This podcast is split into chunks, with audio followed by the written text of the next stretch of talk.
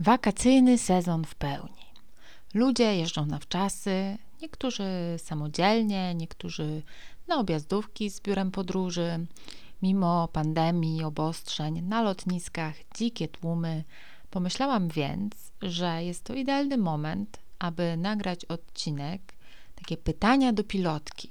Pytanie, które na pewno zawsze chcieliście mi zadać, to znaczy ja jakbym chciała zadać właśnie pilotowi wycieczek jakieś pytanie, to bym zadała to pytanie. Czyli jakich turystów, Joanno, nigdy nie zapomnisz?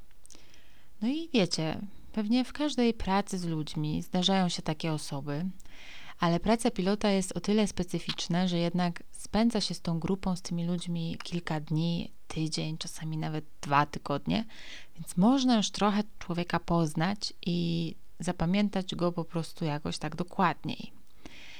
Więc no można oczywiście pamiętać kogoś, kto był diabłem wcielonym, a można kogoś, kto był najlepszym turystą na świecie.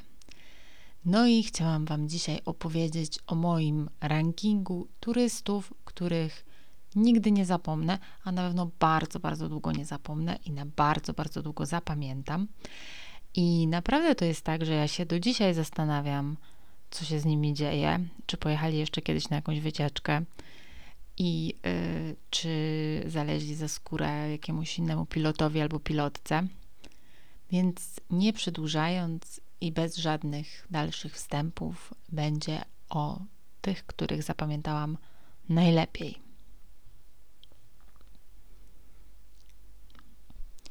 Pierwsza postać to kobieta w czerwieni. Kobieta w czerwieni była ze mną na wycieczce po lazurowym wybrzeżu i jestem pewna, że zapamiętałam ją nie tylko ja, ale cała wycieczka, bo była to osoba, która wyróżniała się z tłumu. I po pierwsze wyróżniała się po prostu wyglądem i strojem, bo nosiła najczęściej, niespodzianka, czerwoną sukienkę i do tego czerwony kapelusz z takim wielkim rondem. I no, przyznacie, trudno taką osobę przegapić. I kobieta w czerwieni była tak zwaną trudną klientką. Na kursie pilockim są takie zajęcia, właśnie temat tych zajęć brzmi trudny klient i na tych zajęciach się jakby opowiada, co się robi na przykład właśnie z e, turystami, którzy, nie wiem, są pijani, którzy się awanturują, którzy nie chcą zapłacić w restauracji itd., tak itd. No i e, nasza, moja kobieta w czerwieni, no pasowałaby jak ulał do tych zajęć. I zaczęło się już na samym początku, w momencie, kiedy przyjechała z lotniska do hotelu Vioret de Mar i rozdawałam klucze. I ona była w pokoju z inną uczestniczką wycieczki, ale się z nią nie znała. I tutaj zrobię małą dygresję, bo niektóre biura mają coś takiego, że jeżeli jesteście singlem i jedziecie sami na wycieczkę, to możecie wyrazić zgodę na bycie zakwaterowanym czy zakwaterowaną z drugim singlem, który też wyrazi taką zgodę, jeżeli się taki ktoś trafi. Czyli możecie dzielić pokój z kimś nieznajomym, oczywiście jeśli się najpierw wcześniej na to zgodzicie i ta druga osoba też się zgodzi.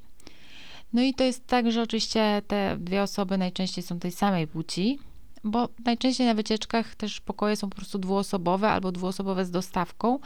I jak ktoś jedzie sam jako singiel, to właściwie i tak płaci tę cenę pokoju dwuosobowego. Więc można właśnie się zdecydować na taki układ z nieznajomym albo z nieznajomą. I wtedy się płaci trochę mniej. No i właśnie kobieta w czerwieni na coś się takiego zdecydowała. I w momencie tego kwaterowania mówię jej, że jej współlokatorka już przyleciała innym samolotem z innego miasta kilka godzin wcześniej, więc po prostu, żeby poszła do pokoju. Tam, nie wiem, 212. Na co pani w czerwieni, wtedy pani jeszcze nie była w czerwieni, mówi, że ona nie rozumie i poprosi o drugi klucz. No bo przecież muszą być dwa klucze. No i zaczynają się schody. No bo prawda jest taka, że jasne, powinny być dwa klucze, zwłaszcza jak w pokoju mają być dwie osoby, które się nie znają i nie są razem. Ale tam, gdzie są normalne zamki e, w hotelach, w sensie nie karty elektroniczne, tylko po prostu klucz to często klucz jest po prostu jeden, a drugi ma obsługa i koniec, i nie ma dwóch kompletów. Więc ja jej jak najdelikatniej tłumaczę, że tego klucza nie ma. I że no, skoro wybrały sobie taki układ, że są razem w pokoju, no to jakoś się muszą po prostu dogadać. No i zaczyna się taka awantura, ale awantura bardzo wypowiadana w ogóle uprzejmym głosem, bez żadnej agresji, natomiast no, pani tutaj twardo stawia po prostu na swoim, że ona jest niezależna, że ja mam skombinować ten klucz, że ona jest osobnym bytem i nie będzie się z nikim tutaj dogadywać i że w ogóle to jest mój obowiązek, żeby jej zapewnić ten drugi klucz. I wiecie, no tak w gruncie rzeczy ma rację, ale z drugiej strony robi tak zwany problem. W recepcji już tak zwana konsternacja. Obsługa mówi, że po prostu no nie ma tego klucza, że go po prostu nie wyda i po prostu ja mam sobie z tym poradzić. No a tutaj babeczka już coraz bardziej zaczyna być taka, wiecie, łagodnie agresywna. I w końcu dali mi ten zapasowy klucz obsługi. Ale jak się możecie domyślić, było to tylko preludium do tego, co się działo dalej. Bo oczywiście problem z kluczem był w każdym hotelu po kolei. I na przykład raz mm, ta kobieta wzięła po prostu klucz i wyszła z pokoju, jak jej współlokatorka brała prysznic i po prostu sobie poszła, nic nie mówiąc. Były jakieś historie, że właśnie zamykała tę drugą dziewczynę w pokoju. Raz zrobiła gigantyczną aferę, bo jej zdaniem spacer po miasteczku Arl trwał za krótko i że to ja specjalnie skróciłam im czas, a potem kazałam czekać w deszczu na autokar. No i mm, prawda jest taka, że może faktycznie wróciliśmy trochę szybciej, bo właśnie padał deszcz. I też jest taka dygresja, że to raczej zawsze staramy się z pilotami, żeby to turyści czekali na autokar, a nie autokar na turystów, dlatego że w centrach wielu miasteczek nie można się zatrzymywać na dłużej niż tam kilka minut autokarem, więc kierowca zwykle wysadza grupę w centrum, jedzie gdzieś na parking i potem przyjeżdża i najlepiej jak grupa już czeka, bo wtedy po prostu jest tylko szybkie wsiadanie i do widzenia. No ale wiecie, ja się nie będę z nią przecież przy grupie wykłócać. Zresztą wtedy kilka osób jakby wystąpiło w ogóle w mojej obronie i kazało jej się zamknąć po prostu. No ale pani robiła po prostu problem przy każdej sprawie. I ja nie byłam specjalnie przeszkolona z takich sytuacji i nie miałam też specjalnie doświadczenia w radzeniu sobie z takimi ludźmi. Radziłam sobie jak umiałam i moją taką bronią była też taka porażająca wręcz uprzejmość. Wiecie, nigdy nie podnosiłam głosu, traktowałam ją po prostu jak księżniczkę jakoś przez większość czasu udawało mi się ją spacyfikować. Ale raz rozjuszyłam ją nie na żarty, bo przy innych ludziach nazwałam ją po prostu panią w czerwieni. I yy, wiecie, to był taki kontekst, jakbym powiedziała, no, że nie wiem, tu poproszę, yy, żeby do tej grupy dołączył pan w kapeluszu i pani w czerwieni, więc to nie był żaden taki epitet, który mógłby ją obrazić. No, ale ona się bardzo obruszyła, bardzo głośno dała temu wyraz. No i serio, inni ludzie z wycieczki szeptali mi na ucho jakieś takie słowa pocieszenia, żebym się nie przejmowała i że po prostu jest to osoba z zaburzeniami. I takie osoby źle funkcjonują w grupie, gdzie trzeba się podporządkować. I no bardzo trudno jest prowadzić wycieczkę, mając kogoś takiego na pokładzie. Ale tak naprawdę te wszystkie moje problemy z nią, no to był tak zwany mały pikuś. Przy tym co tak naprawdę musiała wycierpieć ta jej współlokatorka. No bo wiecie, no ja i tak musiałam zrobić swoją robotę. Miałam 30, czy tam 40, czy 50 osób w grupie i no, nie mogłam poświęcać jej całego czasu. Ale co musiała znieść ta kobieta, która się zgodziła właśnie na tę dostawkę, na, na, na bycie zakwaterowaną z tą kobietą w czerwieniu, oczywiście nie znając jej wcześniej, to nawet sobie nie wyobrażam. I dopiero na końcu ta babeczka też podeszła do mnie, i powiedziała, że przeżyła koszmar, że to był po prostu największy koszmar, jaka, jaki mogła sobie wyobrazić. I naprawdę próbowałam jej załatwić inny pokój raz za razem, ale prawda jest taka, że w szczycie sezonu w tych hotelach po prostu nie ma wolnych pokoi. Po prostu nie ma. I teraz powiem Wam pewną mądrość, którą weźcie sobie głęboko do serca i powiedzcie swoim rodzicom, ciociom, wujkom, wszystkim, którzy się będą kiedykolwiek wybierać na objazdówkę z biurem podróży, żeby nigdy nie korzystali z tej opcji do kwaterowania z nieznajomym. Dlatego, że to w ogóle nie jest warte tych pieniędzy zaoszczędzonych. I jeśli ktoś nie jest studentem, nie wiem, nie liczy każdego grosza i stać go, żeby pojechać sobie z biurem do Włoch czy gdzieś, to naprawdę niech już dopłaci za ten samodzielny pokój. Bo zdarza się bardzo różnie i mi się na przykład zdarzyło, że razem były zakwaterowane dwie babki, z których jedna paliła jak smoczyca, non-stop. No i teraz wyobraźcie sobie, że wy nie palicie i jesteście w pokoju z kimś, kto w nocy kilka razy wstaje na papierosa, wychodzi na balkon, otwiera drzwi, zamyka drzwi i do tego jeszcze chrapie, tak że nie jesteście w stanie spać. I nie ma wyjścia z takiej sytuacji, bo mówię, no zwykle w sezonie po prostu w, w hotelu nie ma wolnych pokojów, a poza tym ludzie, jak słyszą, ile muszą dopłacić za taki pokój, czyli na przykład to jest 50-60 euro za noc, no to rezygnują, nie? I wolą się przemęczyć. Ale nie polecam, nie róbcie tego. Owszem, można świetnie trafić i z kimś się zaprzyjaźnić, ale ryzyko jest za duże, bo możecie przeżyć koszmar i męczyć się z kimś przez tydzień albo dwa. Druga osoba, a właściwie para, którą zapamiętam na zawsze, to też gatunek trudnego klienta. I to była, słuchajcie, para alkoholików, która pojechała ze mną na Kubę. Tacy koło czterdziestki, przy kasie. Ona trochę młodsza od niego. I ja już wtedy widziałam sporo, bo ludziom na wakacjach puszczają hamulce i ludzie lubią sobie w samolocie już coś tam wypić, albo w autokarze z lotniska, albo sobie jakieś piwko pyknąć. I ja jestem w ogóle z tym ok, urlop to jest urlop, ale oni po prostu wytoczyli się już, za przeproszeniem, najebani z tego Dreamlinera.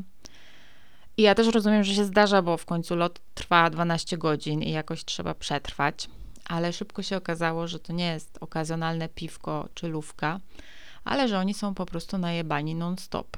Do tego stopnia, że nie są po prostu w stanie normalnie funkcjonować i kontaktować. Bili się w autokarze Serio, facet okładał babkę po głowie, aż ktoś mnie zawołał, bo oni siedzieli gdzieś tam z tyłu i po prostu musiałam iść interweniować i po prostu nie dała się wydrzeć na tego faceta. I potem próbowałam po prostu z nim rozmawiać, że jeszcze raz się coś takiego wydarzy i po prostu wzywamy policję. Ale uwierzcie mi, jak jesteście pilotem wycieczki na Kubie, to ostatnia rzecz, jakiej chcecie, to jest wzywanie policji do turysty. Jakby musicie sobie sami poradzić. No więc yy, mówiłam, że po prostu będą siedzieć w hotelu, nie no nigdzie jeździć, bo no, uniemożliwiają prowadzenie wycieczki. I najgorsza sytuacja zdarzyła się podczas zwiedzania miasta Ciego de Avila, gdzie wysiedliśmy z autokaru, no i szliśmy na zwiedzanie do centrum, trzeba było kawałek podejść. A oni się pokłócili i ta babeczka w pewnym momencie po prostu rzuciła się do ucieczki w przeciwnym kierunku. Po prostu biegiem przed siebie, wiecie, sru. I ten facet za nią. No i teraz co miałam robić? Lecieć za nimi? Policję wzywać? Czy zostawić grupę i, i po prostu się nimi zajmować? No bo ja jeszcze mam 35 osób oprócz nich pod opieką, nie? Więc... Tego co pamiętam, to jakoś w ogóle zachowałam zimną krew. To mi idzie w ogóle dosyć dobrze. Yy, opanowałam jakoś tę grupę, zaprowadziłam ich do centrum, dałam im najpierw czas wolny po prostu, no a sama z lokalnym przewodnikiem poszliśmy szukać tej pary. No i ten facet się jakoś tam szybko znalazł, ale jej nigdzie nie było. I wiecie, no ani śladu po babce. Obce miasto, obcy kraj, ona bez dokumentów, bez pieniędzy. Po drodze spotkaliśmy jakichś takich e, policjantów i poprosiliśmy ich tak nieoficjalnie o pomoc. W sensie, no nie było to żadne zgłoszenie, tylko tak, żeby nam pomogli. No ale teraz, no szukaj wiatru w polu właściwie. I ja tak naprawdę to się najbardziej bałam, że po prostu ona się nie znajdzie i że za dwie godziny zadzwoni do nas policja, że po prostu znaleźli jej zwłoki gdzieś e, przejechane przez samochód albo coś takiego albo że po prostu gdzieś, wiecie, wlezie w jakiś zaułek, położy się zaśnie i po prostu jej nie znajdziemy. A tu wiecie, jest grupa, jest program, jutro jedziemy gdzieś dalej. I serio nie wiem, jak to się stało, że ja się w ogóle nie rozkleiłam, nie rozpłakałam, tylko po prostu działałam. Może adrenalina zadziałała. No i też w końcu to byli dorośli ludzie, a nie dzieci. No i słuchajcie, udało się znaleźć. Siedziała sobie gdzieś tam na krawężniku. Jakieś chyba szczęście po prostu w tym miałam. No i wtedy już była taka rozmowa, że ja powiedziałam, że ja już ich więcej nigdzie nie biorę, że po prostu zostałam w hotelu i jakby nie obchodzi mnie, jak dotrą do następnego punktu i że tak już będzie codziennie do końca wycieczki. I nie wiem, czy jakoś się pozbierali, czy trochę się przestraszyli, ale już był względny spokój do końca. E, faktycznie zostali kilka razy w hotelu na cały dzień. I oprócz tego, że to była straszna sytuacja, to znowu tak naprawdę bardzo im współczułam, bo wiecie, wyda wydać 15 koła na taką wycieczkę na Kubę i jakby odstawiać takie akcje, nie pamiętać w ogóle tego, co się widzi, co się zwiedza, no to straszne. I no po prostu jakby nic nie mieli z tego wyjazdu i wydaje mi się, że to może tak właśnie wyglądać, że człowiek po prostu nie ma życia wtedy. I bardzo to jest smutne i bardzo mi ich było żal. Oczywiście, że mnie wkurzali, bo mi robili problem, ale przede wszystkim było mi ich żal. Po prostu. I tak myślę sobie do dzisiaj o nich, co się z nimi stało po prostu. I trzecia rodzina, której nie zapomnę, to była rodzina, która od początku zwróciła moją uwagę, bo byli dosyć tacy nietypowi, jak na turystów y, z moich wycieczek. To byli dziadkowie z nastoletnimi wnukami. Taki układ się dosyć rzadko zdarza. I też wnuki, dwóch chłopaków, nie mówili po polsku, no i ewidentnie jedno z rodziców było po prostu obcokrajowcem.